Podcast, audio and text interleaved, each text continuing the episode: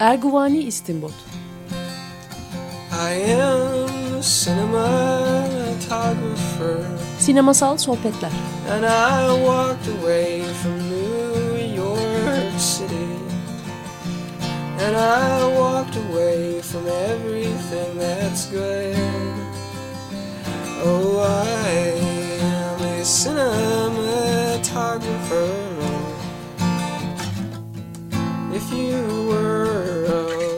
Hazırlayan ve sunan Cüneyt Cebenayak.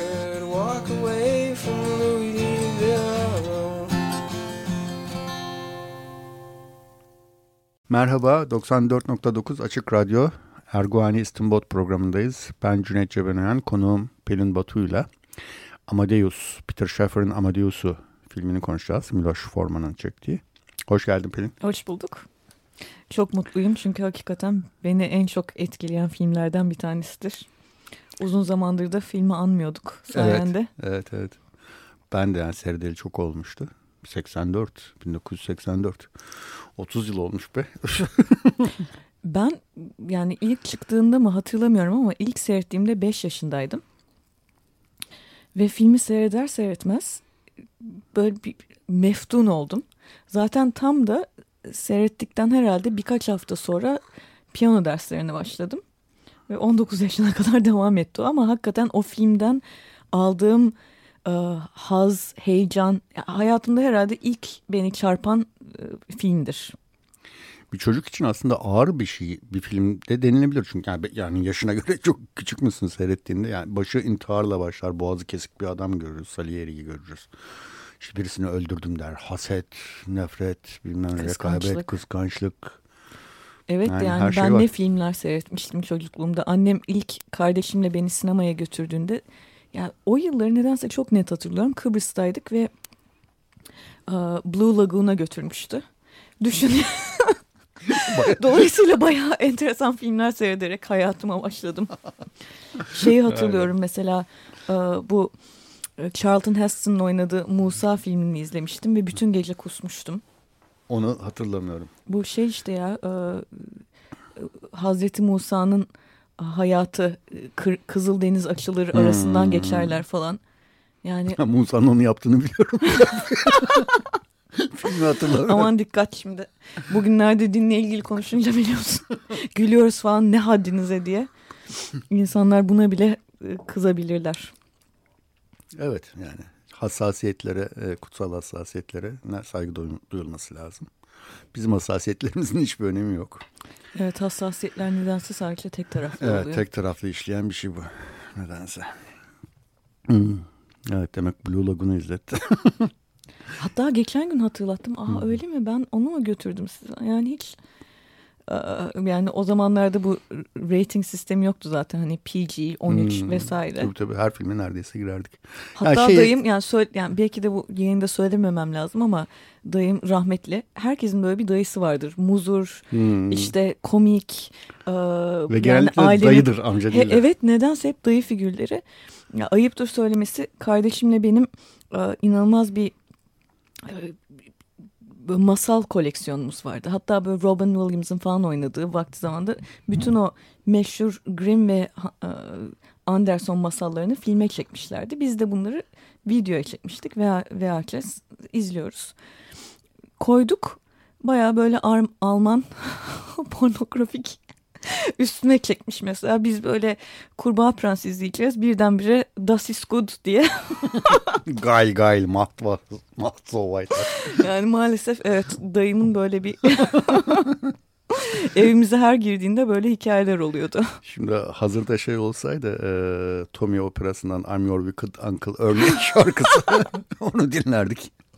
Aslında belki de bulunabilir. Bulunabilir tabii canım. Zor değil yani. Evet. Amadeus'a dönelim ama. bence de dönelim, bence de. Daha e, evet e, sakin bir yere dönelim. Gerçi daha güvenli bir alana. E, daha güvenli bir alana. Peki bizim e, programda şöyle bir e, şeyimiz var. Yani filmin konusunu kısaca bir e, özet geçiyoruz ki yani Seyretmeyenler bir hat, yani seyretmeyenler değil de bir hatırlatma. Çünkü seyretmeyenlere hitap eden bir program değil aslında. Çünkü bütün her şeyini açıklayabiliyoruz. Filmin sonunu falan saklamak Spoiler gibi. yok yani. Evet spoiler kaygımız yok, yok daha doğrusu. Hı. spoiler bol bol var dolayısıyla. Dolayısıyla evet. Amadeus'u seyretmek istiyorsanız bizi dinlemeyin şu anda. evet önce önce filmi seyredin. Nasıl? Sen mi başlayacaksın ben mi başlayayım anlatmaya? Sen başla. Ee, şimdi Mozart ve Salieri'nin aslında rekabetinin hikayesini izlemiş oluyoruz. Ama gerçek hayatta böyle bir şey yok. Ee, Peter Schaeffer oyunu yazdığında böyle bir dinamik üzerine kurmuş. Gerçek hayatta e, Mozart zaten böyle bir çocuk deha ve yani o dönemin e, iktidarını yani işte imparator e, Franz Joseph olsun, e, İngiltere hanedanı olsun hepsinin böyle büyülüyor. Ama babası ki o dönemin yazarları da söyler. Babası Mozart ve kız kardeşini böyle bir sirk e, kahramanı gibi hmm. o şehirden o şehire taşır. Filmde biz onun yetişkinliğini izliyoruz. Tam işte e, onun Avrupa'yı tur yapıp herkesi büyülediği bir zamanı. Ve filmin başlangıcında zaten senin de söylediğin gibi Salieri'nin e, intiharıyla başlıyor. Bunu söyleyebiliriz herhalde çünkü birinci sahneden bahsediyoruz. Her şeyi söyleyebiliyoruz zaten. Ve 20. 25. Hmm. senfoniyle giriş yapılıyor. Zaten bence en iyi girişlerden bir tanesidir. O o 25. senfoninin o müthiş e, dramı film filmi böyle bir şekilde start verir başlar. Ondan sonra Salieri'nin flashbackleriyle Mozart'a olan aslında e, kıskançlığını izlemiş oluyoruz. Ve bunu bir rahibe anlatır. Bunu aslında bir, tımarhanededir kendisi. Evet, evet tımarhanede bir rahibe aslında e, Mozart'ı nasıl öldürdüğünün hikayesini ya da nasıl onu e, bir şekilde kandırdığının hikayesini anlatır. Ve öyle bir yani flashbacklerde şunu görürüz. Mozart hakikaten böyle muzur bir e, erkek çocuğu gibi filmde Tom Hanks oynamıştır biliyorsun hı hı, ve hı. onun o tuhaf kahkahası vardır. Film boyunca böyle histerik bir kahkaha ki onu ben araştırdım merak ettim çünkü Mozart acaba hmm. böyle gülüyor mu diye. Hmm. Mozart'ta da takmıştım. Dediğim gibi o filmi hmm. izledikten sonra zaten piyanoya başladığım için yani hayatım boyunca belli dönemlerim vardır. Her gün her gün demeyeyim ama yani sürekli evde de Mozart dinlerim. O bana şey gibi gelir, terapi gibi gelir. Kendimi kötü hissettiğimde de bir Mozart sonatı açarım, onu çalarım falan. Ee, Mozart'ı filmde izlerken o kahkahasını duyuyoruz. O kahkahasının hiçbir kaynağı olmadığı söyleniyor. Miloš Forman mektuplarında böyle bir şey gördük. Hatta gülüşüyle e, camın metale sürtmesi hikayesi. Evet bravo. Öyle bir e, intiba uyandırıyordu deniliyor. De, evet bir yerlerde ben de okudum bunu. Ama ondan sonra bakıyorsun hiç öyle bir şey yok. Yani hı. ben çünkü hatırlıyorum Leopold yani babasıyla ve hı hı. E, Wolfgang Amadeus Mozart'ın arasında mektuplaşmalar var. Hı hı. İşte Constanza ile eşiyle yaptığı mektuplaşmalar var falan. Yani ben de sonuçta böyle detaylı bir şekilde hatmetmedim ama Elbette. baktığım kadarıyla hiç öyle bir tuhaf kahkaha meselesine tanık olmadım. Her neyse hikayeye devam edelim. Mozart işte Salieri'yi delirtmek için her şey yapıyor aslında. Çünkü mesela Salieri o dönem ki gerçek e, gerçekte de öyle. Franz Joseph'in e, saray müzisyeni. Hı hı. Şimdi bu böyle bu dönemde de çok olduğu gibi dal kavuk bir vaziyette imparatorun yanında yer alıyor. Mozart da giriyor diyelim ve onun yaptığı basit müziği improvizasyonla zaten deha olduğu da biliniyor. Haydn falan şey demiş. Yani ben böyle bir müzisyen görmedim. 8 yaşındayken ilk senfonisini yazıyor. 12 yaşındayken ilk operasını yazan bir karakterden bahsediyoruz. Dolayısıyla hani e, herhalde 100-200 yılda bir, bir böyle bir karakter gelebilir dünyaya. E, onun karşısında da gayet hani en azından film için söylüyorum. Salieri gerçek hayatta evet yetenekli bir müzisyenmiş ve böyle bir dediğimiz gibi reka, rekabet yokmuş ama filmde yani Mozart giriyor ve her şeyi darma duman ediyor. Çünkü adam onun yaptığı besteyi alıyor bambaşka bir hale getiriyor. Sofistike hale getiriyor. Ee, inanılmaz operalar yazıyor. Çılgın bir müzisyen aslında hani bugün olsa bir punk rock müzisyeni falan olurdu herhalde. Tam böyle rocker gibi zaten. Evet o zamanın büyümeyen asi çocuk gibi bir yandan evet, da değil mi? Yani sürekli çocuk kalan, bebek kalan hatta. Filmde o... de bir yerde şey diyor karısı. babam bana demişti bir bebekle evlenme, bir adamla evlen Hı. diye. Yani zaten Hı. filmde 2-3 karaktere sinir oluyorsunuz. Çünkü karşınızda çocuk gibi e, bir deha var ve adamın müziklerine hayran oluyorsunuz. Öbür tarafta da onu çekemeyen e, ve onun üzerinden nemalanan yani Constanza da öyle bir karakter filmde. Yani gidiyor Hı. Salieri ile sonuçta e, para için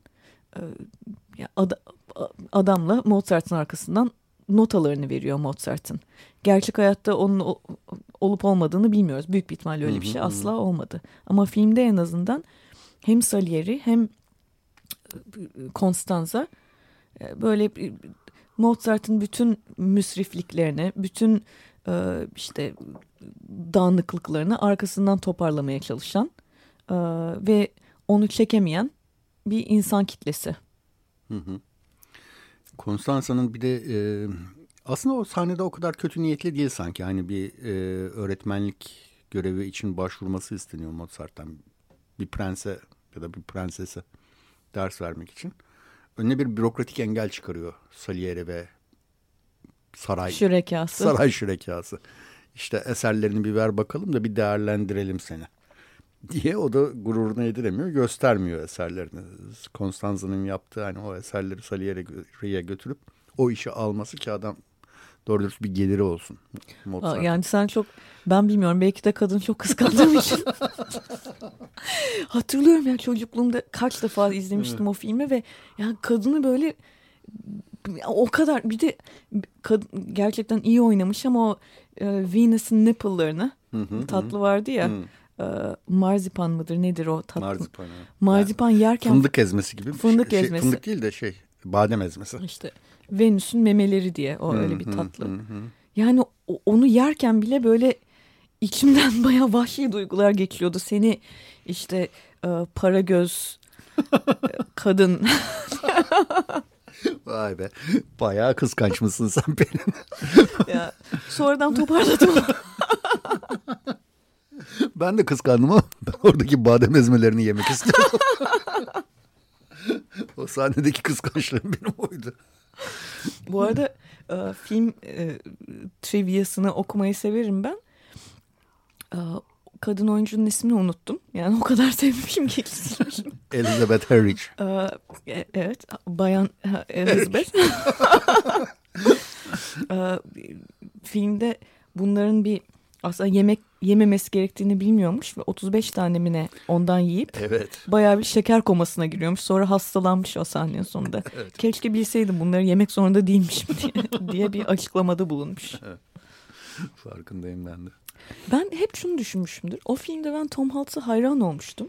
Ki yani filme ne kadar iyi hazırlandığı belli. Adam hakikaten. Çok iyi hazırlanmış doğru. Ki müzisyenler söylemiştir. Ben hani birebir ıı, müzikleri ve e, filmi böyle ne kadar senkron falan diye araştırmış değilim ama Hı. filmde hakikaten yani çalınan ve duyulan birebir her şey örtüşüyormuş. Zaten Miloš Forman deli bir yönetmendir biliyorsun. Adam mesela o filmde doğal ışık kullanıyor falan yani her şeyi olabildiğince e, notasına kadar e, düzgün yapmaya çalışıyor. Kostümler mesela bütün filmde operalarda e, Cosi van Tute'de Saraydan Kız Kaçırma falan bir sürü operanın sahneleşini izliyoruz.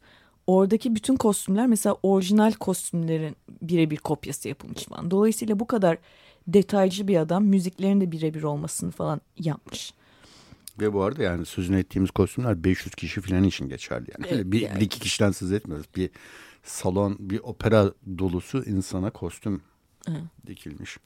İşte onu söyleyeceğim. Dolayısıyla oyuncu seçiminde de bu kadar detaycı ve e, perfeksiyonist, mükemmeliyetçi bir yönetmen. Tom Hanks mesela o filmi hazırlanmak için günde 4 saat piyano çalışmış. Ve düşün ki hani e, aylarca bunu yapıyorlar. Ama ondan sonra Tom Hanks yok oldu gibi bir şey yani hiçbir evet. yerde görmedik. Evet evet ben de daha sonra bu adam ne yapmış diye bir baktım IMDB'deki filmografisine öyle ciddi bir şey yok. O filmden aslında bir tek hani şey çıkan yani e, en karlı çıkan oyuncu diyeyim Murray Abraham. Evet. O çok iyiydi ve o Ama o zaten sonra... yani oradaki star oyuncu. Evet oradaki star oyuncu. Aslında filmin önceden de ama öyle. Yani mesela ha. Scarface'te falan oynamıştı adam. Ama Scarface'deki rolü küçük bir rolmüş. Ya küçük ama yani ha. ne olursa olsun adam hani diğerlerinden çok daha ünlü ve çok daha hani oyuncu olarak ha. nam salmış bir adam. Ama şöyle bir şey anlatıyor. Ee, bir tane bir belgesel var belki izlemişsindir. Orada Murray Abraham e, şöyle oluyor. E, bunu aslında başka bir rol için deniyor Miloš Forman. Daha küçük bir rol evet. için deniyor.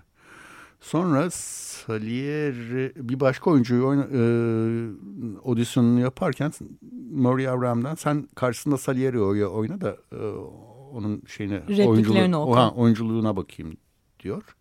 Ve Murray Abraham o kadar iyi oynuyor ki birden kafasında acaba acaba fikri gelişiyor. Sonra e, seçenekleri ikiye indiriyor şey.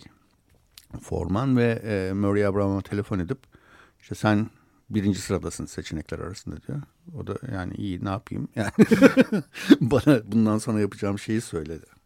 Diyor ve gidiyor Scarface işini alıyor. Güvenmiyor yani adam.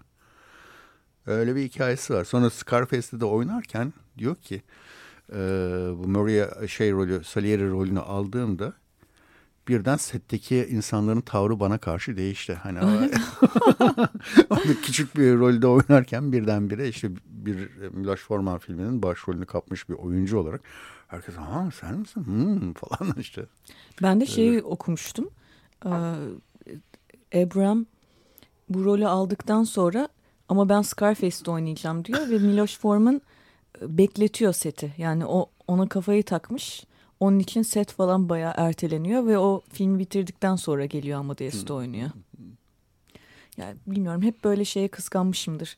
Bir oyuncu olarak en zevk aldığım kısım filmin o mutfak kısmıdır. Hani o okuma provaları, birlikte bir şey yaratma, ekip olma, e, işte bir hazırlık yapma, karakterine bir şeyler ekleme, yönetmenle o teatide bulunma faslı. E, ve bu filmlerin yapım aşamasını okuyunca ya da ıı, belgeselini falan izleyince hakikaten içim gidiyor. Çünkü aylarca bazen bir sene bir filme hazırlık yapabiliyorlar. Evet, Bizde evet. bazen iki hafta kala senaryo geliyor oynar mısınız diye falan. Yani böyle bir... Evet. Ya tabii bu endüstri olma para... kendiniz getirin. Evet. Değil mi?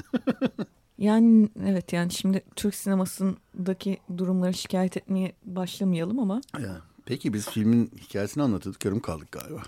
Evet bu rekabet hikayesinde hmm. Salieri gittikçe hani ilk başta zaten şey değil kendi hikayesini anlatırken adam müzikle ilişkisini de anlatmış oluyor ve e, babası bunun ticarete mi girmesini aile işini mi yapması öyle bir şey istiyor yani hiç böyle bir müzisyen hmm. aile falan değil yani bir taraftaki kontrasta bak Leopold müzisyen olacaksın diye bunu oradan oraya sürüklüyor ve zaten hani doğduğu anda bir rivayet vardır Mozart'ın ine, e, inek diyorum bir domuzun ses çıkarmasına aa işte sol falan demiş. İki yaşında mı ne gerçekten. Dolayısıyla bir taraftan öyle bir aile var ve onun müzisyenliğini destekleyen ve onun işte onun için her türlü kapıyı açmaya çalışan. Öteki tarafta sen tüccar olacaksın bilmem ne olacaksın diye uzaktan yakın alakası yok ve oradaki Salieri karakteri şunu söylüyor. Evet bir yani komik geçiyor filmde ama aslında bayağı korkunç bir şey evet o zaman bir e, mucize oldu ve babam öldü diyor. ve orada zaten bu adamın bir tımarhanede olduğunu anlıyorsun. mucize olup baba söyleyince bu kendi müziğe veriyor. İşte kilise e, de müzisyen olarak ve tırmanıyor tırmanıyor ve hani her tür zorluklara karşı bir şekilde o pozisyona geliyor. Yani imparatorun e, şeyinde kafilesinde yer almayı başarıyor. Ama birdenbire Mozart devreye girince bütün denge bozuluyor. Çünkü orada hani her şeyin nizamına, kitabına göre yapan bir karakter var. Ö öteki tarafta dediğimiz gibi rockstar gibi bir e, deli müzisyen figürü var. Ve yavaş yavaş Salieri e, kurnaz planlarını yapmaya başlıyor. Mozart'ın müsrif olduğunu biliyor. Para zaten gerçek hayatta da biliyoruz. E, isimsiz mezara atılmıştır. Çünkü sürekli bir borç halinde. E, ve bunun bu zaafını bildiği için e, dışarıdan e, bir yani atsız bir bir kişi e, kılığına girerek buna e, opera işte requiem falan e, siparişinde bulunuyor. Mozart da zaten hasta. Tam olarak nasıl öldüğü bilinmiyor. Değişik teoriler var ama hı hı. E, yani tüberküloz da olabilir. e, tam tam da ben de bilmiyorum. Vakti zamanında okumuştum 3-4 tane olası hastalık var. Ama zaten 35 yaşında ölmüş. 1791 diye hatırlıyorum. Sayılar yani tarihler kafama çakıldı çünkü uzun süre odamda Mozart posteri vardı ve altında doğum ve ölüm yılı vardı dolayısıyla 1756 1791 kafama çakılmıştır ve her sene Ama 20... sen zaten tarihçisin de bir yandan. Ya evet de şey. bu hani özellikle müzik tarihiyle pek alakam yoktur ama Mozart'a evet. takıntılıyım Hı. anladığın üzere. Hatta her sene 27 Ocak'ta yaklaştı. Sadece o gün Mozart dinleyip Mozart çalarım. Çünkü onun ölüm günüdür. Çocukluğumdan beri yani herhalde 6-7 yaşından beri 27 Ocak benim için böyle bir özel Mozart günü olmuştur. Hmm, o zaman bu programı yaptığımız tarih de baya baya Mozart'a yani evet. dönemin anlam ve önemine evet. karşılık geliyor mu diyeceğim. Ne diyeceğim? Neyse. Yaklaşacağız. Öyle bir şey. Filme evet toparlayalım. Sonuçta o sipariş veriyor ve Mozart harıl urul e, yatakta böyle ateşli bir vaziyette Requiem'ini yetiştirmeye çalışırken e, an, anlaşıldığı üzere Mozart'ın çocukluğu boyunca bir baba sorunu var. Hep baba oğul hikayesi çatışması hı hı. ve bu gerçek yani. Hı hı. Miloš Forman ve Peter Shaffer dört ay boyunca birlikte çalışıp bu senaryoyu ya yazmışlar. Yani tiyatro eserinden devşirip hı hı. senaryo yazmışlar ama dediğim gibi pek çok böyle uydurma hikaye var içinde. Yani Salieri'nin en başta böyle bir kötü karaktere bürünmesi gibi en temel aslında e, değiştirme o. Ve fakat gerçek hayatta Mozart'ın babasıyla sürekli mektuplarını okuduğumuz için biliyoruz. Sürekli hmm. bir dilişme halinde. Çünkü bir süre sonra baba o kadar baskın bir karakter ki Mozart bağımsızlığını ilan etmek istiyor. Adam işte Salzburg'dan buraya geleceksin. Burada sana iş buldum. Şunu yap, bunu yap falan filan. Hep bir çatışma var yetişkin olduktan sonra Mozart. Ee, çocuk gibi olması ve parayla ilişkisinin bu kadar kötü olmasında da bir faktör var tabii ki. Babası sürekli ona böyle bir nasihat, tavsiye falan veriyor. Ama babasını kaybettiğinde de hep öyle olur ya zaten en, en büyük çatıştığımız şey aslında hayatımızın figürüdür ve o boşluk doldurulamaz. Dolayısıyla birazcık böyle bir Hamlet hikayesi gibi Don Giovanni'yi yazıyor. Don Giovanni bazı eleştirmenler der ki aslında onun babasıyla kavgasının operası. Ee, sonra işte bunları yazdıktan sonra falan Salieri de bunu biliyor ve o Don Giovanni'deki maske gibi bir figürle geliyor. O zaten Mozart'ı şok eden bir şey. Zaten hasta yatıyor. Ve ondan sonra da zaten Mozart'ın ölümüne geliyoruz. O maskenin de şöyle bir özelliği var. Önde yüz, gülen bir yüz, arkada e, somurtan bir surat gibi bir şey değil mi? Yanlış hatırlamıyorum. Ki o Janus diye bir tanrı vardır biliyorsun. hı hı. Ee, Janus'un bu, iki yüzü. Ha. Evet. Ocağın Ocak ayına Ocak ismini ayı. veren iki yüzlü Roma'da kapılara takılır. Yani işte kapı eşiklerine, girişlere falan. Çünkü hı. iki yüz yani hı hı. bir gülen bir ağlayan. Tiyatro Hoş geldin gibi. güle güle. Evet. Gibi. Hı. Ama e, Evet tabii yani şeyin sorunu Mozart'ın sorunu büyüyememek gibi. Yani kişilik problemi. O gibi gözüküyor. Onun hakikaten de bir baba figürünü bir koruyan kollayana ihtiyacı var. Biz tabii anakronistik bence konuşuyoruz evet, şimdi. Ya. Yani tarihte tamam adamın belki para sorunu var evet çocuk gibi vesaire ama sonuç itibariyle bu adam hayat yani gününün 10 15 saatini müzik düşünerek ve yazarak geçiriyor. Yani e, bilardo oynamayı gerçekten severmiş. Filmde de görüyoruz hı hı. o bilardo masasının üstüne yazmalarını falan filan. Ama yani her şeyi kafasında yazıyor. Hatta kız kardeşi çocukluk anılarında 6 yaşındayken mi 8 yaşındayken mi ne babası hastalanıyor Leopold. Yine bunlar turnede bir yerde. Yani sanıyorum 20 yaşına kadar bu turneler devam ediyor zaten. Ondan sonra İtalya'ya gidince böyle bağımsızlığını ilan ediyor. Kız kardeşin anısında şöyle bir anekdot paylaşıyor. Babamız bize piyanoya oturmamızı ve işte müzik yapmamızı yasakladı. Hastaydı. Ben iyileşene kadar siz dokunmayacaksınız dedi. Mozart da o zaman müzik yazmaya başlamış. Çünkü hani çalamıyorsa zaten kafasında yazıyor. Onun üzerine e, kız kardeşine şey diyor. E, bana sakın hornları e, nefesler nefesleri diye. ekleme e, ekleyeceğim onları unutturma. Yani bütün partisyonları kafasında da 8 yaşında mı 9 yaşında mı o yaşlarda. İnanılır gibi değil. Ya, gerçekten muhteşem. Bir de hani Mozart'ın bazı mesela 20. yüzyıl kompozitörleri falan filan biraz küçümserler. Hani çünkü şey gibi. Pop gibi. Pop Klasik gibi. müziğin popu gibi. Mi? Evet yani süslü püslü böyle hani hmm. süslü püslü mutlu müzik falan gibi. Ama özellikle son dönem, dönemine bakacak olursak ben hep şey dinlerim. O yani duyarım orada. Yani Beethoven zaten çocukmuş Mozart. işte 30'lu yaşlarındayken. Bach da öyle galiba. Filmde Bach'ı da görüyoruz. Hani Bach da erken dönem ama. Öyle mi? Evet evet. Pardon o zaman bir, bir çocuğu görüyoruz. Beethoven görüyoruz. Beethoven çocuk, görüyoruz pardon. Ço çocuk Beethoven hmm. görüyoruz. Ama yani hani romantizme Beethoven'a dayandırırsak yani hı müzikteki klasik müzikteki romantizm akımını yani o Schubert'ler Schumann'lar falan daha sonra geliyor.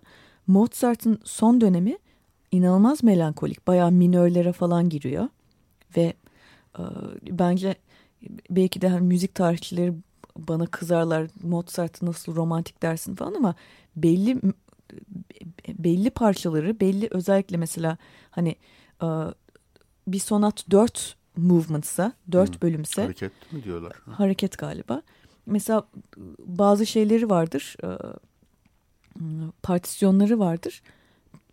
Yani sanki bu çünkü 18. yüzyıldan bahsediyoruz. Sanki 19. yüzyıla gelmiş gibi onlardan çok daha evvel. Hı hı. Ya, bence gerçekten müthiş bir deya zaten. Ben bazı şeyleri de merak ediyorum. Çok da anlamadığım için minörlere girmek ne demek? Yani şimdi minör majör hı. diye iki tane yani ya bütün bunları ben... Boş ver. zor anladım kadarıyla cevabı. Hayır cevabı zor değil. Ben sadece e, Türkçe deyimlerini bilmiyorum ama hani e, şimdi fa do sol re la mi si yani çok teknik olacak. Fa do sol re la mi si diye hani şey var. E, not notalar var. Bunlara e, sen şey yapınca e, B E e, C D F diye Hı. yani e, o da hani İngilizcesi B e, neyse hiç tamam, boş ver, notalara tamam, girmeyeyim. Tamam, tamam, Ama hani e, ma, minör daha melankolik bir sesi hmm. vardır. Bizdeki e, şeyler var ya makamlar var ya. Hmm, hmm, mesela diyelim e, bilmem ne Kürdi makamı hmm. e, Hicaz Kürdi diyelim. E, bütün Kürdili o, Hicazkar. Yani bizdeki bütün makamların batıda da tekabülü var tabii hmm, ki. Hmm. Ee, ve bunlar hani bazı makamlar daha hüzünlüdür. Hmm. Bazı makamlar daha mutlu, enerjiktir falan. Onun hmm, gibi yani hmm. minörler daha tabii her minör öyle olacak değil ama daha duygusal e, daha hani kırılmaya mesut mesut diyorum. E, meyilli. Meyilli. Hmm. Peki hani minörlere yolculuk der ya Mazhar'da. Öyle ee, mi? Ha, majörler neydi? Majörleri tükettik miydi? Majörleri tükettik. Minörlere hmm. yolculuk. Majörler tükendi. Demek ki onu evet. Bu Selik makamına şarkısında. Peki şimdi bir... E, Müzik arası. Hmm, arası demeyi sevmiyoruz. bir e, kendisi Müzik önemsizmiş aslında. gibi sanki. Müzik. Ara bence güzel bir kelime ya. Ben hiç arayı böyle bir küçümsemek olarak düşünmezdim. Hmm. Ama sanki tersi. bir şey asıl o da işte hani hmm. diğeri de çok... E... Ha, hiç öyle düşünmemiştim olabilir doğru. Tamam o zaman şimdi müziğe giriyoruz. Yani Mozart'tan ne dinleyelim? Ben dedim ki Requiem dinleyelim minörlerden biraz. O zaman varsa Tuba Mirumu e, çalabilirseniz. Çünkü şimdi Requiem'i ben hakikaten hayatımın belli dönemlerinde her gün dinlemişliğim vardı. Hı hı. Zavallı diyebilirsin.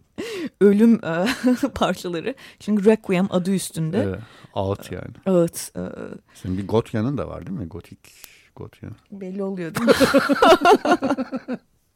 evet Gotyan'ım vardı. E, lisede özellikle her gün Requiem dinlediğimi bilirim. E, Requiem'le ilgili sadece parantez açıyorum burada. Mozart'ın aslında 8 tane parçasını bitirdiği söylenir. Sonrasını onlar, onun notalarından mürekkep kağıtları alıp bitirmişlerdir. Ee, ama bütün olarak hepsi de bence mu muhteşem. Yani, yani pek çok müzisyenin Requiem'i var. Foreigner'in hmm. Requiem'i var. Ee, kim kimlerin var? Yani böyle bir liste gidiyor ve pek çok Requiem de eminim bizim bizi dinleyenler de dinlemiştir. Çok çok iyi Requiem'ler var ama benim için hala favorim Mozart'ın Requiem'i. Peki dinleyelim. Aa, açık ha, ben sürekli bu aralardan sonra müzik aralarından sonra bir hatırlatmak gerekiyor. Nerede ne yapıyoruz kimler bunlar diye. Onu standart olarak yapıyorum. Yani 94.9 Açık Radyo'da Erguvan İstinbot programında ben Cüneyt Cebenayan konuğum Pelin Batu'yla Amadeus'u konuşuyoruz. Miloš Forman'ın e, yönettiği aslında tam adı Peter Shaffer'ın Amadeus'u olan filmi konuşuyoruz. Nasıl buldun? Çok güzel. Çok güzel. Ayrıca senin yorumlarını daha e, daha Pardon, bilinçli bir dinleyici olmaya başladım. Yine gibi çok konuştum ve... Ha yok yok hayır. Hayır gayet iyi. Ben özellikle bu Requiem'de yani son, sonuçta tabii ki doğasına uygun bir şekilde çok insanın ruhuna işliyor ve kimileri der ki Mozart öleceğini biliyordu. Zaten son yazdığı şey ve dediğim gibi bitmemişti. Dolayısıyla kendine yazdığını biliyordu. Yani bu tabii ki bir hiçbirimiz bunu bilemeyiz. Hiç kimse kanıtlayamaz. Ama müziği derinlemesine dinleyince yani müthiş bir hüzün ve yani sanki insan kendi ölümünü görüp de ölüm korkusunu bile yani her, orada o kadar çok duygu var ki birazcık müziği çok iyi dinleyince hı hı. hissediyorsunuz onu. En azından ben hep öyle hissettim.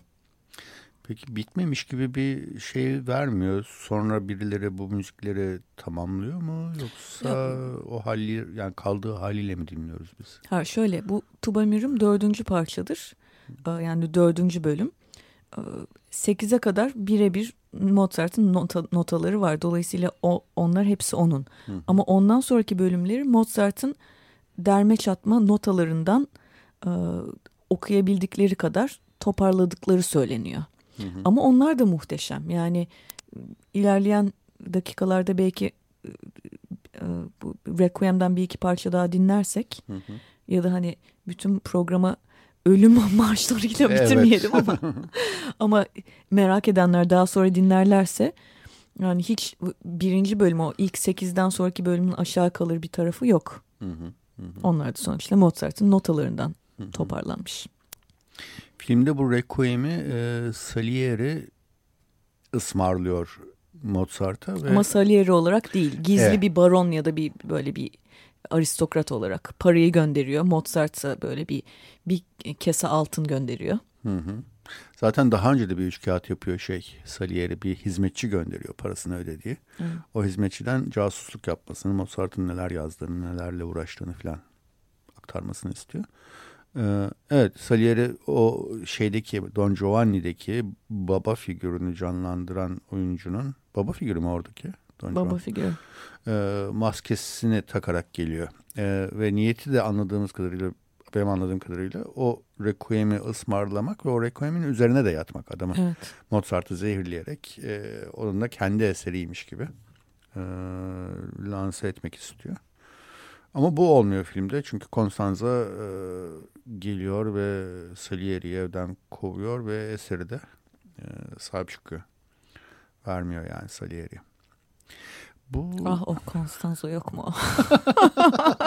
Niye bak iyi, iyi iş yapmış kız. Evet. Yoksa Salieri'nin zannedecektik biz bu Requiem'i. Bu yani, tabii bu filme göre. Filme göre.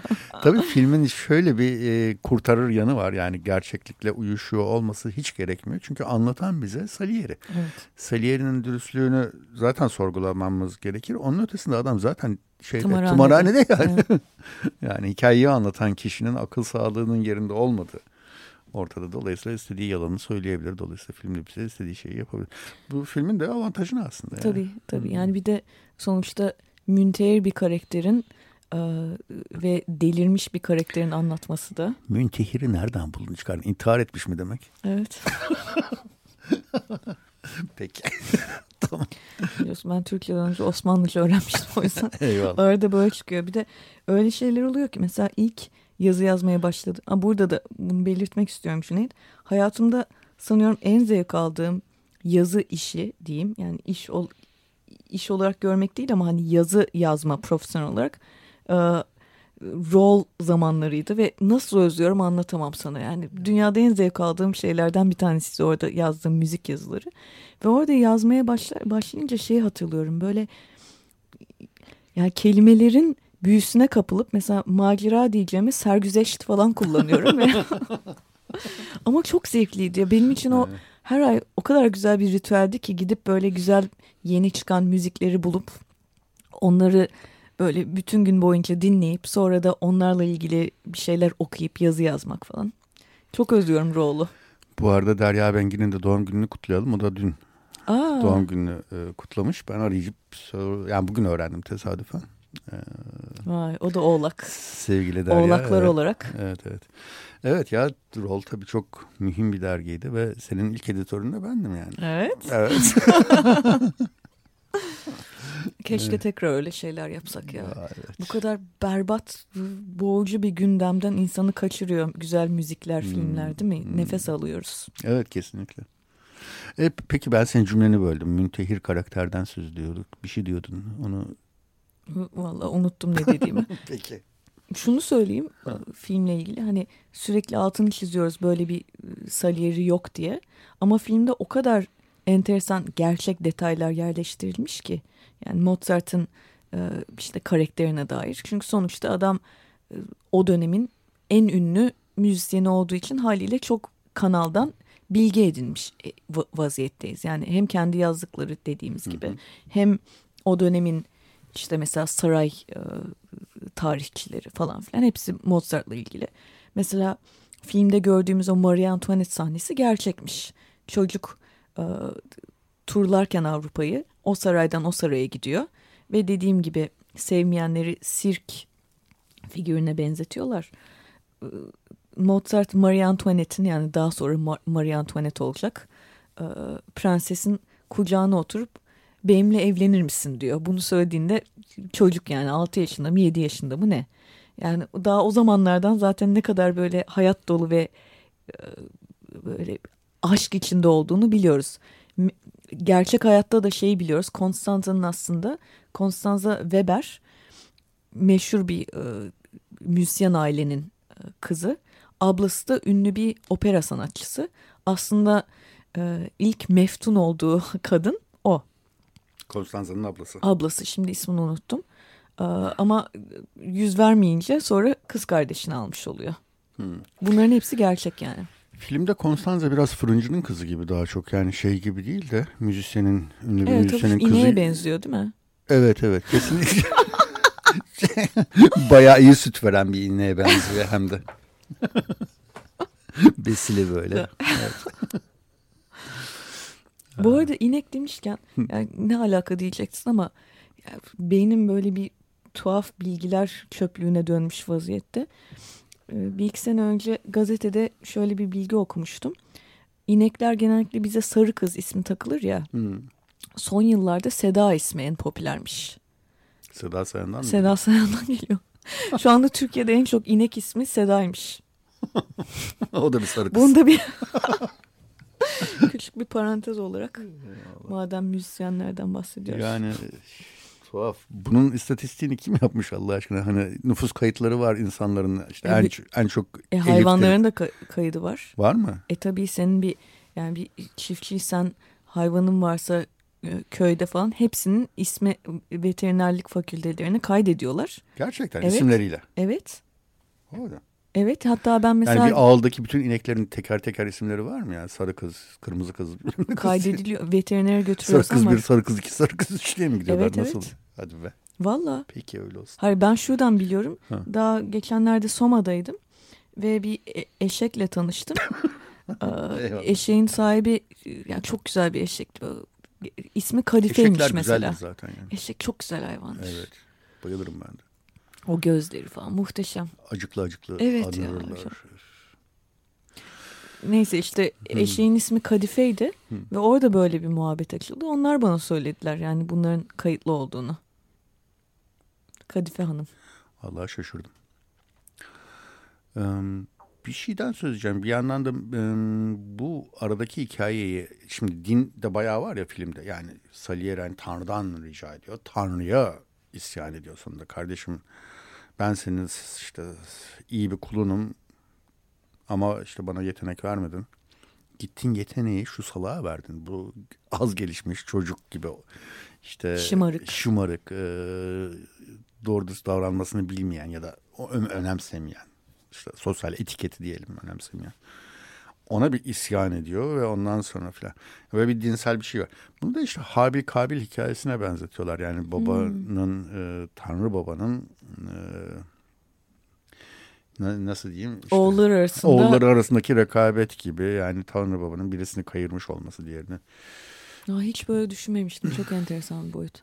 Ben hmm. hani zaten başta e, oradan bence ismini düşünerek bile girmiş olabilir Paul Schaefer ve Miloš Forman. Çünkü Amadeus ismi hiç düşündüm mü bilmiyorum etimolojisine. Deus, Deus var, Tanrı, Tanrı var. Beloved of God demek. Yani Tanrı'nın e, sevgili sevgili, sevgili, sevgili sevgilisi sev, sevdiği. Aha. E yani Amadeus isimli ki Mozart bu arada ona Amadeus falan pek denilmiyormuş. Amade diye bir ara yani gittiği yerlere göre ismini farklı imzalıyor. E, mektuplarından görüyoruz bunu. Bazen Amade diyor, bazen Amadeus diyor, bazen e, Wolfgang diyor, Wolfie. Filmde mesela o sinir konstansı sürekli buna Wolfie diyor ya. Hmm. O da beni ifrit eden şeylerden bir tanesiydi. yani biraz fazla Amerikanlaştırmışlar orada. Bu arada seni rahatlatar mı bilmiyorum. Bir şey söyleyeyim. Gerçek hayatta Thomas Holz gay. Yani ya benim orada derdim Thomas... o kadar kıskanma. Tom Holtz değildi. Biliyorum. Mo, e, 1700'lerde yaşamış Mozart. Burada hakikaten korkunç bir kıskanç karakter ortaya çıktı. Ama ben gerçek hayatta kendi ilişkilerimde kıskanç değilim gerçekten. E, eminim canım. Hiç olur muyuz? Hiçbirimiz değiliz. of of. Burada ne? Ya böyle ee, geçen gün Twitter'da yazmıştım. Kibariye'nin entel de insandır diye bir meşhur söz var. Gerçekten. evet. Ben diyecektim ki işte entel de insandır. Biz burada entel entel Mozart'ı konuşacakken nerelere girdik böyle. Kıskançlık, haset, evet. e, işte Konstanza takıntıları. Atatürk'ün hani bir lafı olduğu söylenir ya. Kadın bizatihi bir varlıktır diye. Valla. Yazık neler atfetmişler. Entelektüel de bizatihi bir varlıktır yani. Küçümsemeyelim. Peki bir, bir, bir e, Mozart daha dinlesek mi? E, filmin girişindeki müzikten bahsetmiştik. Biraz aha, hız olsun. 25. senfoni okay. bence iyi gider. 94.9 Açık Radyo'da Erguani İstinbot programındayız. Ben Cüneyt Cebenayan, konuğum Pelin Batu ile Miloš Forman'ın Peter Shaffer'ın Amadeus'unu, Amadeus'u adlı filmini konuştuk. Ee, Pelin çok teşekkür ederim. Ben Sağ teşekkür ol. ederim. Zamanın nasıl geçtiğini fark etmedim bile. Ben de öyle. Evet, e, gelecek programda görüşmek üzere. Hoşçakalın.